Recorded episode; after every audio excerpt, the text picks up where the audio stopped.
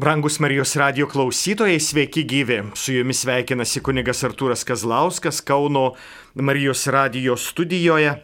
Džiaugiuosi, kad vėl nauja diena, kurio, kuri gali prasidėti štai šitą tarnystę ir Dievo pašlovinimu katecheze. Viską, ką darome, paprastai, sakom, krikščionys turi šlovinti Dievą. Tai ir šitą savo tarnystę, šitą savo laiką kartu su jumis irgi išgyvenu kaip Dievo pašlovinimą, o e, tai, ką, e, tai, ką mes čia atliekam, yra Dievo pašlovinimas. E, ir Dievo palaiminimas tuo pačiu. E, diev, sakoma, kad Dievą šlovinam, kai pasakojam apie jo darbus. Dar yra vienas, vienas labai svarbus biblinis supratimas. Kai aiškinam, ką pasakojam, tiesiog vardiname die, Dievo atliktus darbus, mes jį šlovinam. Mes sakom, kad Dievas veikia. Ir tai atitinka tai, ką Mozei mums perteikė tuo vardu, kurį jis gavo ten degančio krūmo e, susitikime, e, su degančiu krūmu. E, ir šitame susitikime jis išgirsta Dievo vardą, kurio prašė. Ir mes dažnai sakom, kad tas Jahvės vardas yra esu, kuris esu. Ir tai, ir tai yra nepilnas, nepilnas supratimas, bet tai reiškia, aš buvau, esu ir būsiu. Reiškia, tas, e, tas buvimas yra e, testinis arba nuolatinis buvimas. Ne tik dabar, bet ir ateityje. Ir dar jis nėra tas pasyvus buvimas. Mes labai dažnai įsivaizduojam Dievą e, kaip tie e, vaikai, kurios, kuriems močiutė papasakojo apie Dievą, kuris sėdi ant debesio, nukaręs kojas ir, ir štai tiesiog sėdi. Na, dar kai kurie sako, kad ne, vis iš, išdaigas kokias nors krečia kartais ir žmonėms kas nors negerai pasidaro. Tai visgi ne, Dievas nėra pasyvus sėdėtojas ant debesio, Dievas yra veikiantis ir tas Jahvė išduoda Dievo veikimą. Ir, ir tas, tas vardas jis reiškia, aš veikiau dėl tavęs. Aš veikiu dėl tavęs ir veiksiu dėl tavęs. O jeigu jau sakytume teologiškai arba tema, kurią čia liečiame, kalbėdami apie palaiminimų apeigas, tai mes sakom, kad Dievas, a, Dievas sako, aš tave laiminau, laiminu ir laiminsiu. O jau lietuviškai pasakyti mes galėtume, kad Dievo vardas yra aš tau norėjau gero, aš tau noriu gero, ir aš tau gero norėsiu. Tai yra iš tikrųjų palaiminimas. E, ir tas palaiminimas, kuris yra ne tik tai gera linkėjimas, bet ir pastangos. E, aš pasistengsiu, kad tu būtum laimingas, kaip ir anksčiau stengiausi, kad tu būtum laimingas ir visada stengsiuosi, kad tu būtum laimingas. Štai, štai palaiminimas, apie kurį mes E, turime kalbėti ir nepamiršti. Štai esame tokio Dievo išpažinėjai ir esame su tokiu Dievu, jeigu esame su tokiu Dievu. E, paprastai sakom, kad e, sunki nuodėmė yra apsisprendimas gyventi be Dievo arba veikti be Dievo, arba veikti netgi priešingai Dievo valiai, Dievo logikai, Dievo idėjai, Dievo kvietimams. Mes turime laisvę šitaip elgtis ir sunki nuodėmė yra, kai aš pasirenku kitą kelią, nedievišką kelią. Kai aš pasirenku e, žmogišką savo kelią, kūnišką savo kelią, ar pasaulio kelią, ar šeitono kelią. Štai, štai tada mes apsisprendžiam būti be Dievo dvasios ir nebendradarbiauti su Dievu ir atsisakyti jo įkvėpimo, jo vedimo ir pasirinkti visiškai kitą logiką ir, ir, ir dažnai pasirenkam e, ar ne. E, reiškia, mes pasirenkam e, nedievišką logiką. Čia yra sunkios nuodėmės esmė. Ir kai mes sąmoningai apsisprendžiame gyventi ne pagal Dievo dvasę, mes tiesiog jos atsisakome, o Dievas, kadangi yra džentelmenas, kai tu jam sakai, nelysk, eisiu dabar visai kita kryptimi, Dievas sako, na, man gaila, man liūdna, bet daryk kaip tinkamas, aš tau leidžiu taip elgtis, nes tau daviau laisvą valią. Ir štai mes prarandam tą šventąją dvasę, kurią būtinai reikia susigražinti per, per išpažintį. E, ta apeiga, vadinamas išrišimas, yra atliekama, kunigas uždeda rankas ant tavo galvos. Tai yra epiklezė, Tai yra šventosios dvasios maldavimo ženklas, kai tave tarsi šešėliu pridengia ir maldauja, kad šventoji dvasia vėl sugrįžtų ir būtų visako įkvėpėja pradžia ir pabaiga. Tai, tai štai tas išpažintis, kuri tau sugražina šventąją dvasę, kurios tu atsisakėjai dėl kitos dvasios, dėl kūno dvasios, dėl pasaulio dvasios, dėl šeitono dvasios. E, tu atsisakėjai dieviškosios dvasios. Mes jau, jau e, kelintą laidą antradieniais šitoje katechezėje žiūrime į didelę, storą 606 e, puslapių knygą, kuri vadinasi Palaiminimų apėgos. Ir Tai yra didelė knyga, liturginė knyga, visuotiniai bažnyčiai išėjusi seniai, na, o mes e, vieno vyskupo dėka ją turime, e, ją turime jau porą metų ir e, štai šitose laidose mes vis bandome pasižiūrėti, kas yra tas ką bažnyčia laiko palaiminimais ir ką laimina. Ir mes matėme, kad E, kad yra e, kelios šitos knygos dalys. Sakome, kad pirmojoje dalyje e, mastoma ir pateikiami palaiminimai skirti žmonėms, pačiais įvairiausiais jų gyvenimo ir veiklos ir patirčių momentais. Tada antrojoje dalyje yra palaiminimai susijęs su pastatais ir įvairiapusiška krikščionių veikla. Ir štai dabar trečioji dalis ir tik trečioji dalis yra bažnytinių liturgijos arba pamaldumo praktikos reikmenų palaiminimai. Tai apie ką mes dažniausiai mastom, kas yra palaiminimai, tai sakom palaiminti kokį nors e, ražančių ar ką nors, tai dar net ne trečioji dalis. Reiškia, tai yra e, dar e, paprastesni dalykai, kurie nėra tokie reikšmingi Bet štai dabar liturgijos arba pamaldumo praktikos reikmenys. Štai jų palaiminimas. Ir pirmasis, e, ir pirmasis štai e, šitas palaiminimas yra skirtas krikštyklai arba naujo krikšto vandens šaltinio palaiminimas.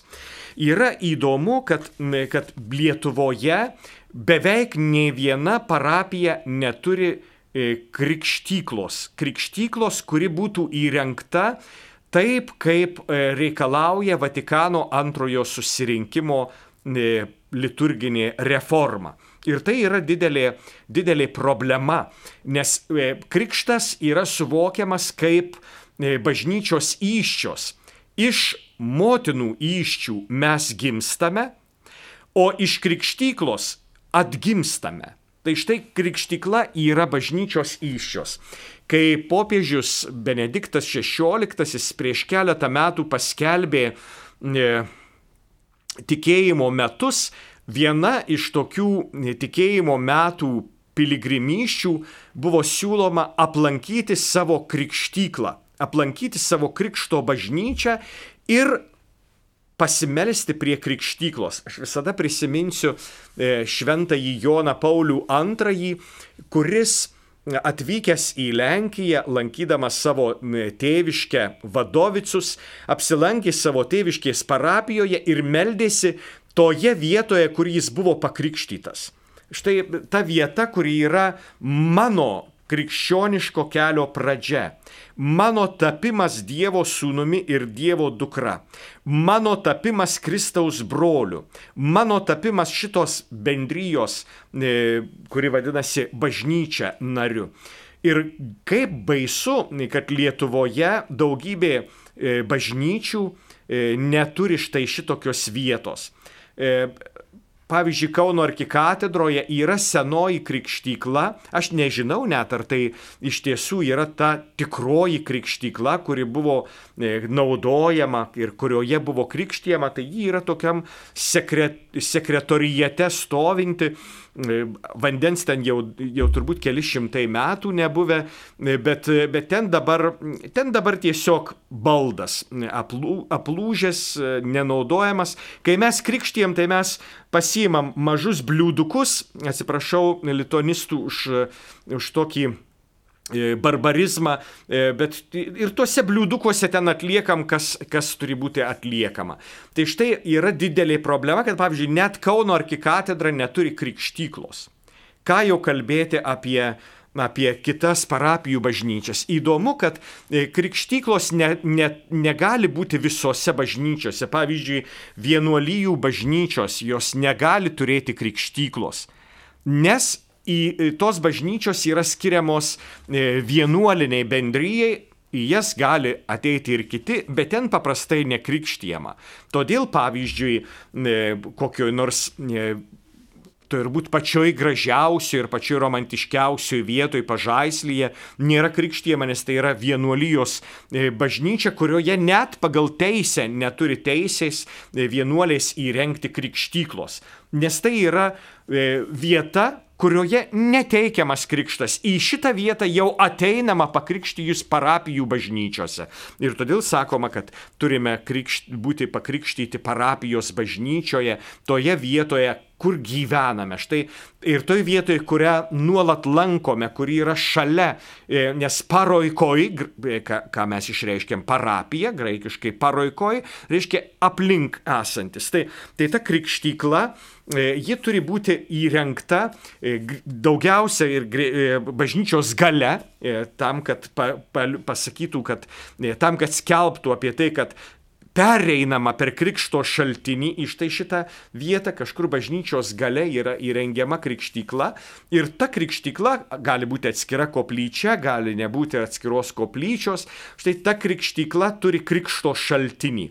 Tai yra gyvą vandenį, e, kuris teka e, išreiškiant tą e, tekėjimą iš Kristaus šono kraujo ir vandens. Ir mes sakom, kad kai pradūrė kareivis Jėzaus e, šoną iš jo ištekėjo kraujas ir vanduo. Tai tas gyvas vanduo, tekantis vanduo, jis, jis, e, jis išreiškia tą, e, tą tekėjimą iš viešpaties šono. Ir štai tas krikšto šaltinis, kuris, kuris yra iš Kristaus tekantis naujas, naujas gyvenimas. Tai, tai mes va turim krikštyklą arba naują krikšto vandens šaltinį, kuris kuris, kaip, kaip minėjau, nuolat teka.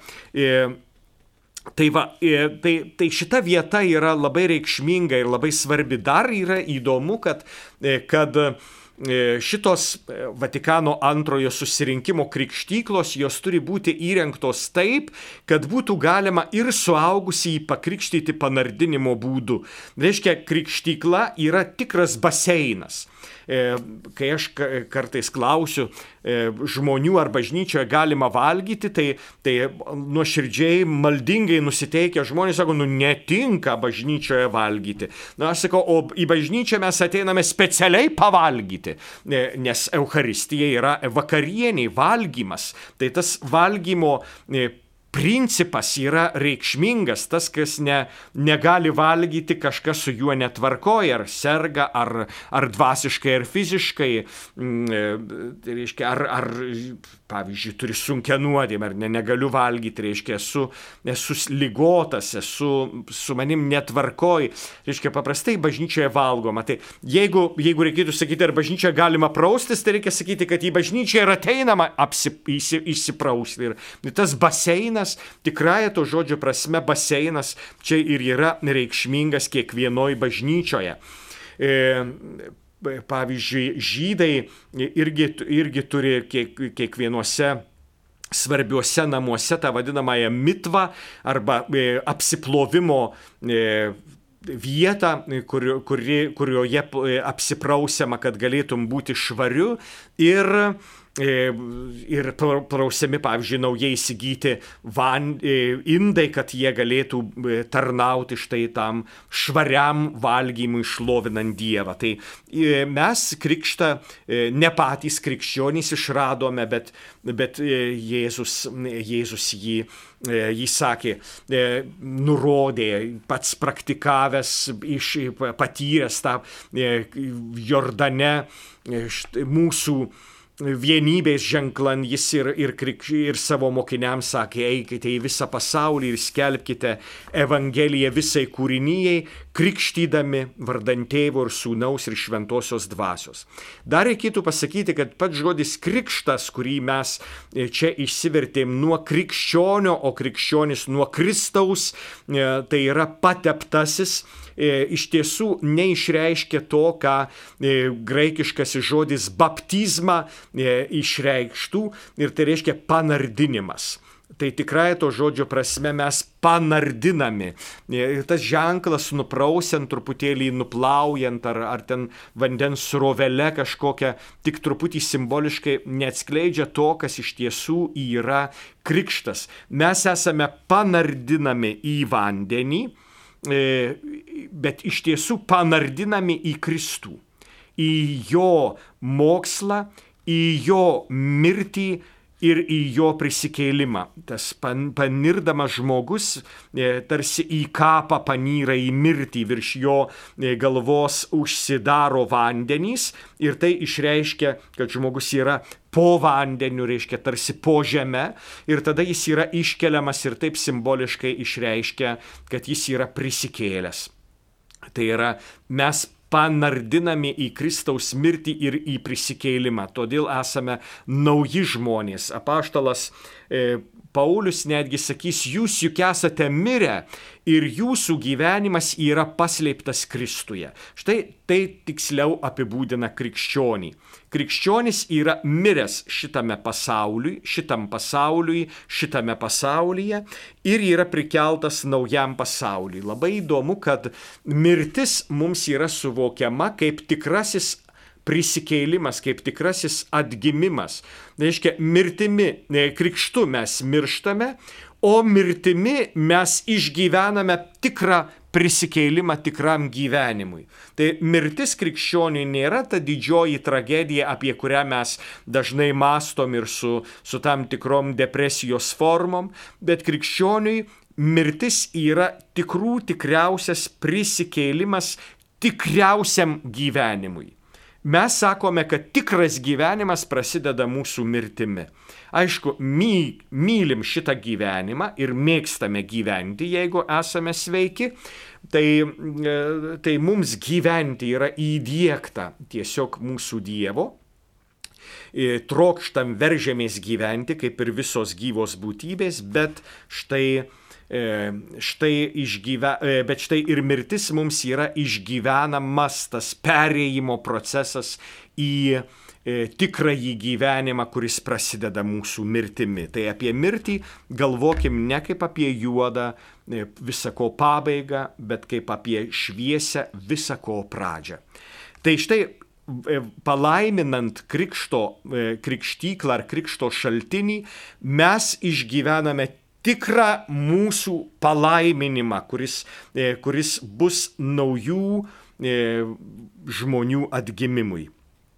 Kitas palaiminimas yra skirtas vyskupo katedros arba celebranto kėdės, sakyklos, tabernakulio ir klausyklos naudojimo pradžioje teikiami palaiminimai.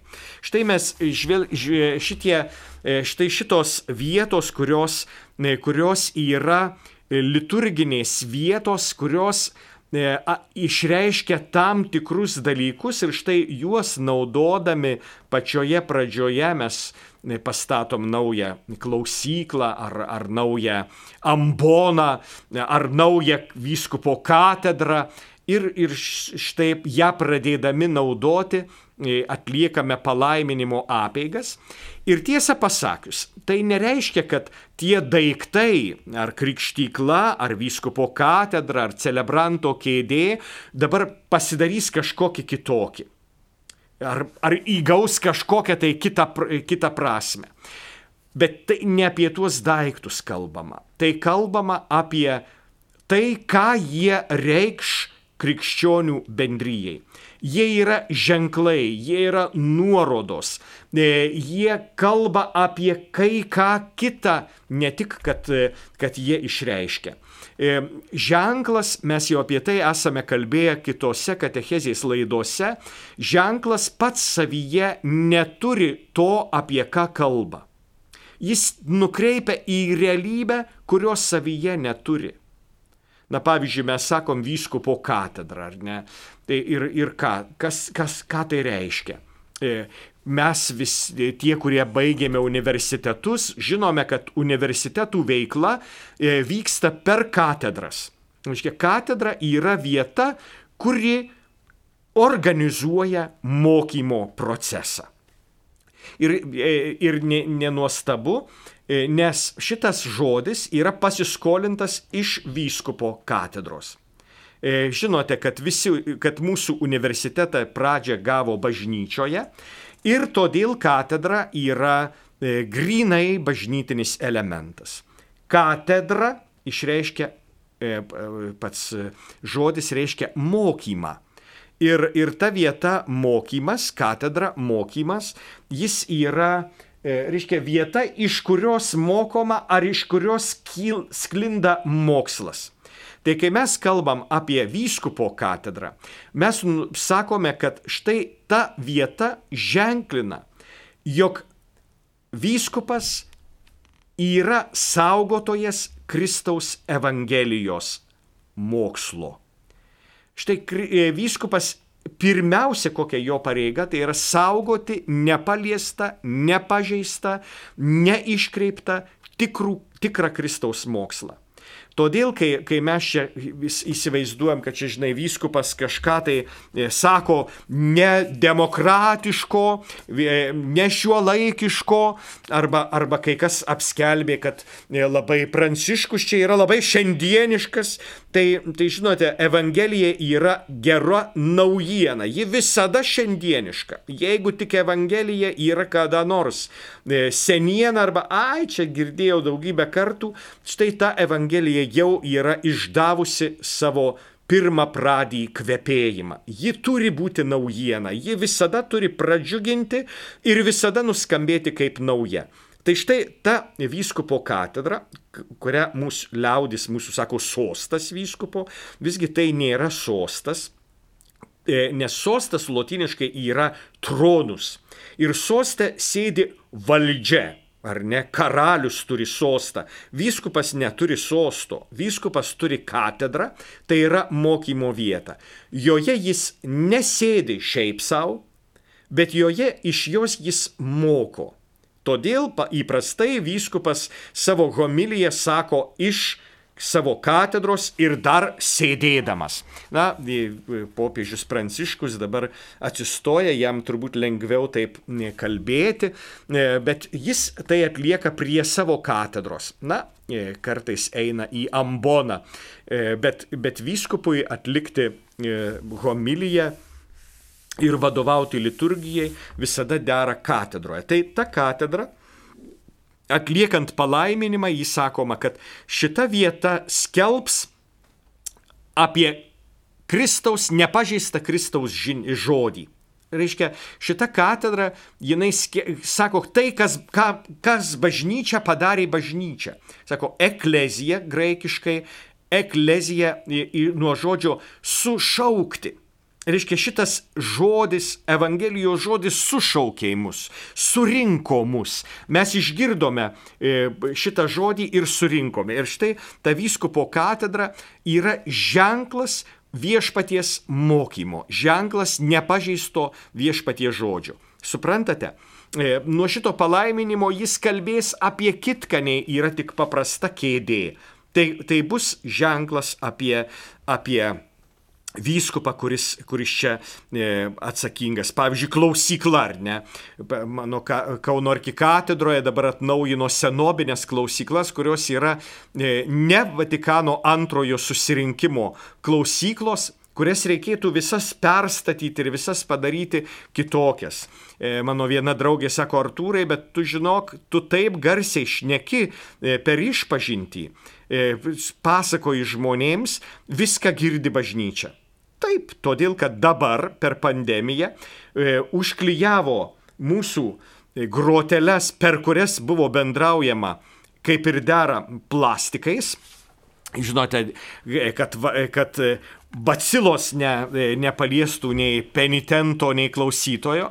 Ir jeigu tu kalbėsi tyliai, niekas tavęs negirdi ir aš, ačiū Dievui, nieko negirdžiu, ką sako penitentai. Todėl tai dabar visi, kas nori atlikite išpažinti, e, kunigai nieko negirdi Kauno arkikatedroje, nes tai yra kaip čia pasakius, e, dabar kunigas negalės nei supykti, nes nieko negirdės. Čia truputį e, šaržuoju, iš tikrųjų girdėti, bet ne taip, kaip norėtųsi.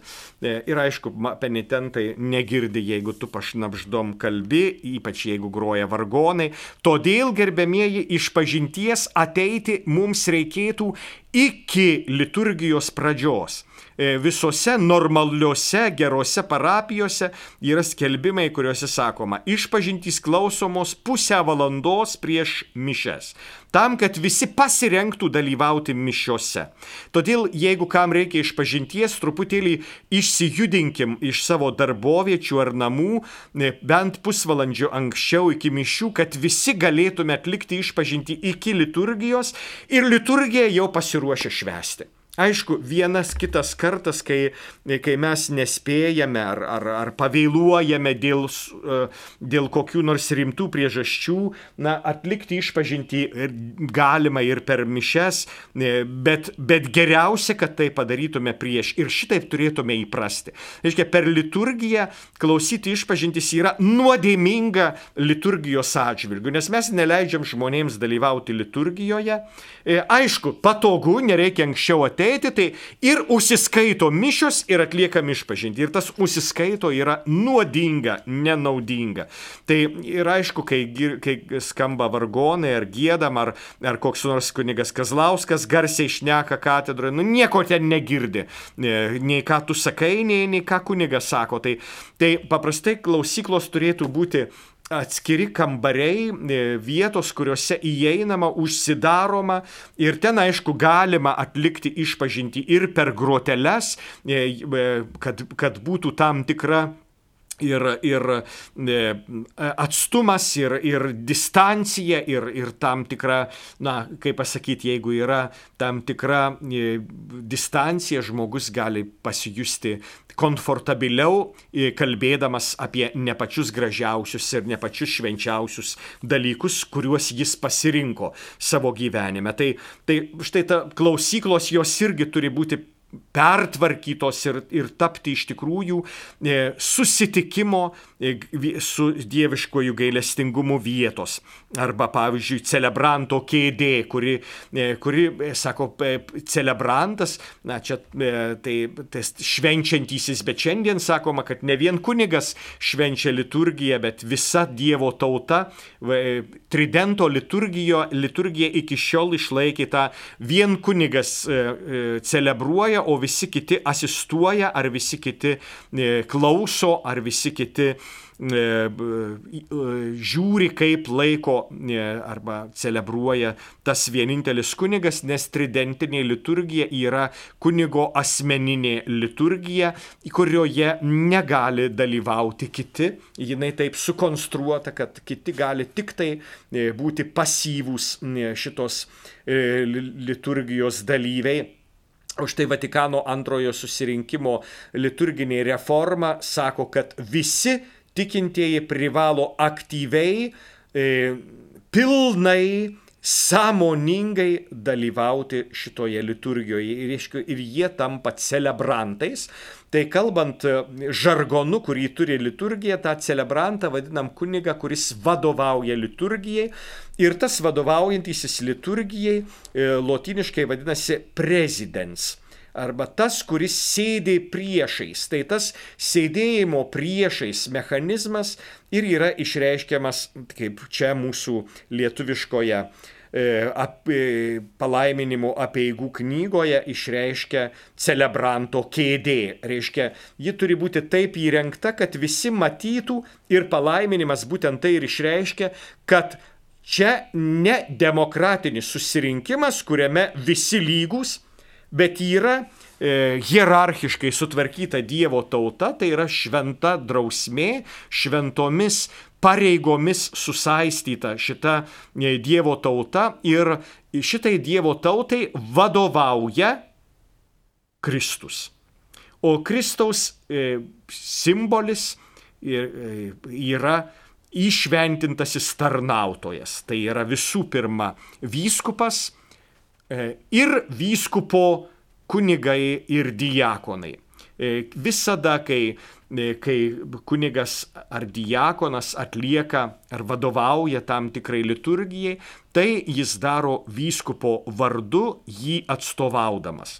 Reiškia, pats kunigas iš savęs ar per save e, neturi jokios teisės vadovauti liturgijai, tik įpareigotas vyskupo ir E, atlikdamas tai, ką nori vyskupas. Reiškia, čia tas klusnumas, apie kurį šventimuose sakoma, ar pažadi man ir mano įpėdiniams pagarbą ir klusnumą.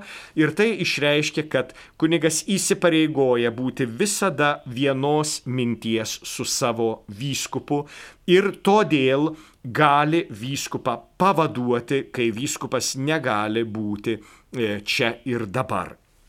E, tai E, tai štai, štai šitos, šitos e, bažnyčioje esančios vietos, jos pradedamos naudoti palaiminimais, kuriuose, kaip minėjau, ne patys, patys daiktai tampa kažkokiais kitokiais, bet joje išreiškiama padėka Dievui, pavyzdžiui, už gailestingumą, pavyzdžiui, už vyskupystę, už kunigystę, pavyzdžiui, už žodį, kuris čia subūrė Dievo tautą, e, pavyzdžiui, už tabernakulį, kuris yra palapinė laikinas namas, e, kuriuose viešpats apsistoja prieš išeidamas į namus, į ligoninės, į kalėjimus. Žodžiu, štai tos vietos, kurios liudyja didesnę realybę nei tik matai savo žemažiūrėmis akimis.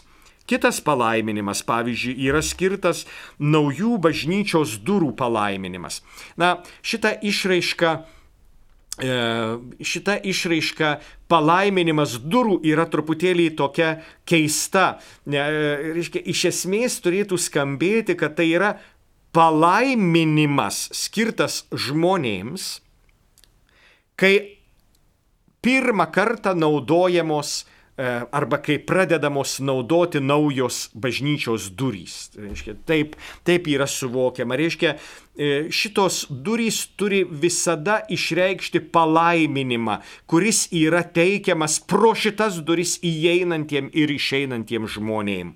E, nepamirškim, kad durys visada yra Kristaus ženklas. Tai ne tik, ne tik kaip čia pasakyti, techninis sprendimas uždaryti ir neįleisti arba techninis sprendimas atidaryti ir išvaryti ir išleisti iš, iš e, tam tikros vietos. Tai, tai yra į simbolis. Kai aš įeinu per šitas duris, aš įeinu į Kristų. E, Jėzus sakė, aš esu vartai, kas įeis per mane ganykla sauras. Tai mes turime suvokti, kad ir pasaulis, ir bažnyčia yra ganykla, kurioje viešpats mums teikia, e, vedžiodamas ir ganydamas mus, e, vedžiodamas prie įvairiausių šaltinių, kurie teikia tikrą gyvenimą ir džiaugsmą, kuriam nieko netrūksta. Kitas pavyzdžiui e, palaiminimas yra skirtas naujo viešai gerbti skiriamo kryžiaus palaiminimas. E, mes e, suvokiam tokį, tokį dalyką, kad kai kurie kryžiai, o bažnyčioje turėtų būti vienas visiems gerai matomas kryžius, tai yra taisyklė, kurią turim ir tas e, viešai gerbti skiriamas kryžius. E, kodėl nedaug kryžių? Todėl, kad tik vienas viešpaties kryžius, kaip vienas viešpats neša mūsų išgelbėjimą. Tai štai tas vienas vienintelis kryžius bažnyčioje ir yra tai, kas, e, tai, kas skelbia mums e, Kristaus, e, Kristaus dovana, kuri yra išgelbėjimas. Arba kitas palaiminimas - tikintiesiems viešai gerbti skiriamų palaimin, paveikslų palaiminimas. Man visada gražias, gražiau skamba tas viešam gerbimui išstatomo atvaizdo palaiminimas, e, palaiminimas viešai, išstat, viešai išstatant naują e, atvaizdą, e, palaiminimas. Reiškia, palaiminimas skirtas ne tam atvaizdui, bet tiems, kurie gerbs štai šitą mergelės Marijos ar šventųjų ar ypatingai viešpaties Jėzaus atvaizdą. Tai štai šitie, tai ypatingos apėgos palaiminimų, kurios kurios štai išreiškia tą džiaugsmą, galint matyti atvaizdą. E, mes e, turėjom tą, e, žinote, dešimtyje žodžių dekalogė draudimą daryti paveikslus. Ir, ir, o paskui, kai viešpats tapo žmogumi, kai Dievas tapo žmogumi, štai nustojo galioti šitas atvaizdas, nes viešpats Žinote, kodėl e, tas e, draudimas galiojo? Dėl to, kad tik viešpats gali e, pats asmeniškai padaryti savo atvaizdą. Ir tas didysis atvaizdas yra žmogus. Ir viešpats jį pats asmeniškai sukuria, bendradarbiaujant motinai ir tėvai, tėvui, bet Bet štai jis pats leidžia jam gyventi ir tai yra tikrasis Dievo paveikslas. Todėl pats žmogus neturėdavo teisės daryti e, Dievo atvaizdo, nes tikrasis Dievo atvaizdas buvo e, e, žmogus, kurį sukuria Dievas kiekvieną kartą asmeniškai, jam asmeniškai dovanodamas savo dvasę. Ir mes sakom, kad būti žmogumi, tai būti panašiu į Dievą, tai turėti tą pačią Dievo dvasę, kurią jis asmeniškai dovanoja kiekvienam žmogui. Tai išreiškia pradžios knygoje, tas įkvėpė gyvybės dvasę ir žmogus tapo gyvą būtybę. Taip ir šiandien būti žmogumi, tai turėti tą pačią Dievo dvasę kurią, e, kurią jis teikia. Ir ta gyvybės dvasia e, ir daro žmogų žmogumi. E, ir daro žmogų asmeniu gyvi mūsų šunys, kurie yra geriausi, sako žmonių draugai, bet jie neturi tos asmeninio Dievo kreipimosi ženklo, kur yra Dievo dvasia. Dievas į tave kreipiasi ir sako tu. Todėl tu Dievui ir kitiem panašiem į save turintiem Dievo dvasę gali sakyti tu. Tai štai mes dabar turime tą e, Kristaus atvaizdą, Dievas tapo žmogumi ir todėl turime atvaizdus ir iš tai šitame palaiminime mes, mes sakom ačiū, kad galim regėti e, Dievą e, per Kristų, e, galim regėti Dievą per Mariją, kuri E, duoda šitą atvaizdą, e, duoda bruožus netgi žmogiškus ir galim regėti Dievą per įvairių šventųjų gyvenimus. Todėl, kas atkreipėte dėmesį į rytų kilmės ikonas, tai tie, e, tie mūsų E, šventieji, kurie yra vaizduojami e, pagal kanonus, pavyzdžiui, akys, e, su, tokios nenatūralios, ne, ne bet jos, jos reiškia, tam, tikro, tam tikros tam tikros formos, arba ausys, arba nosis tam tikros formos, lūpos tam tikros formos, reiškia ikonos pie, rašomos pagal, pagal tam tikrus kanonus, Ir bet, į bet kurį žiūrėdamas šventąjį mergelę Mariją ar į šventąjį labiausiai paplitusį turbūt Mikalojų, tu visada matai Jėzaus atvaizdus. Tai Dievo įsikūnymo ženklas. Reiškia, šventasis yra tas, kuris savo gyvenimu skelbia įsikūnymo slėpinį.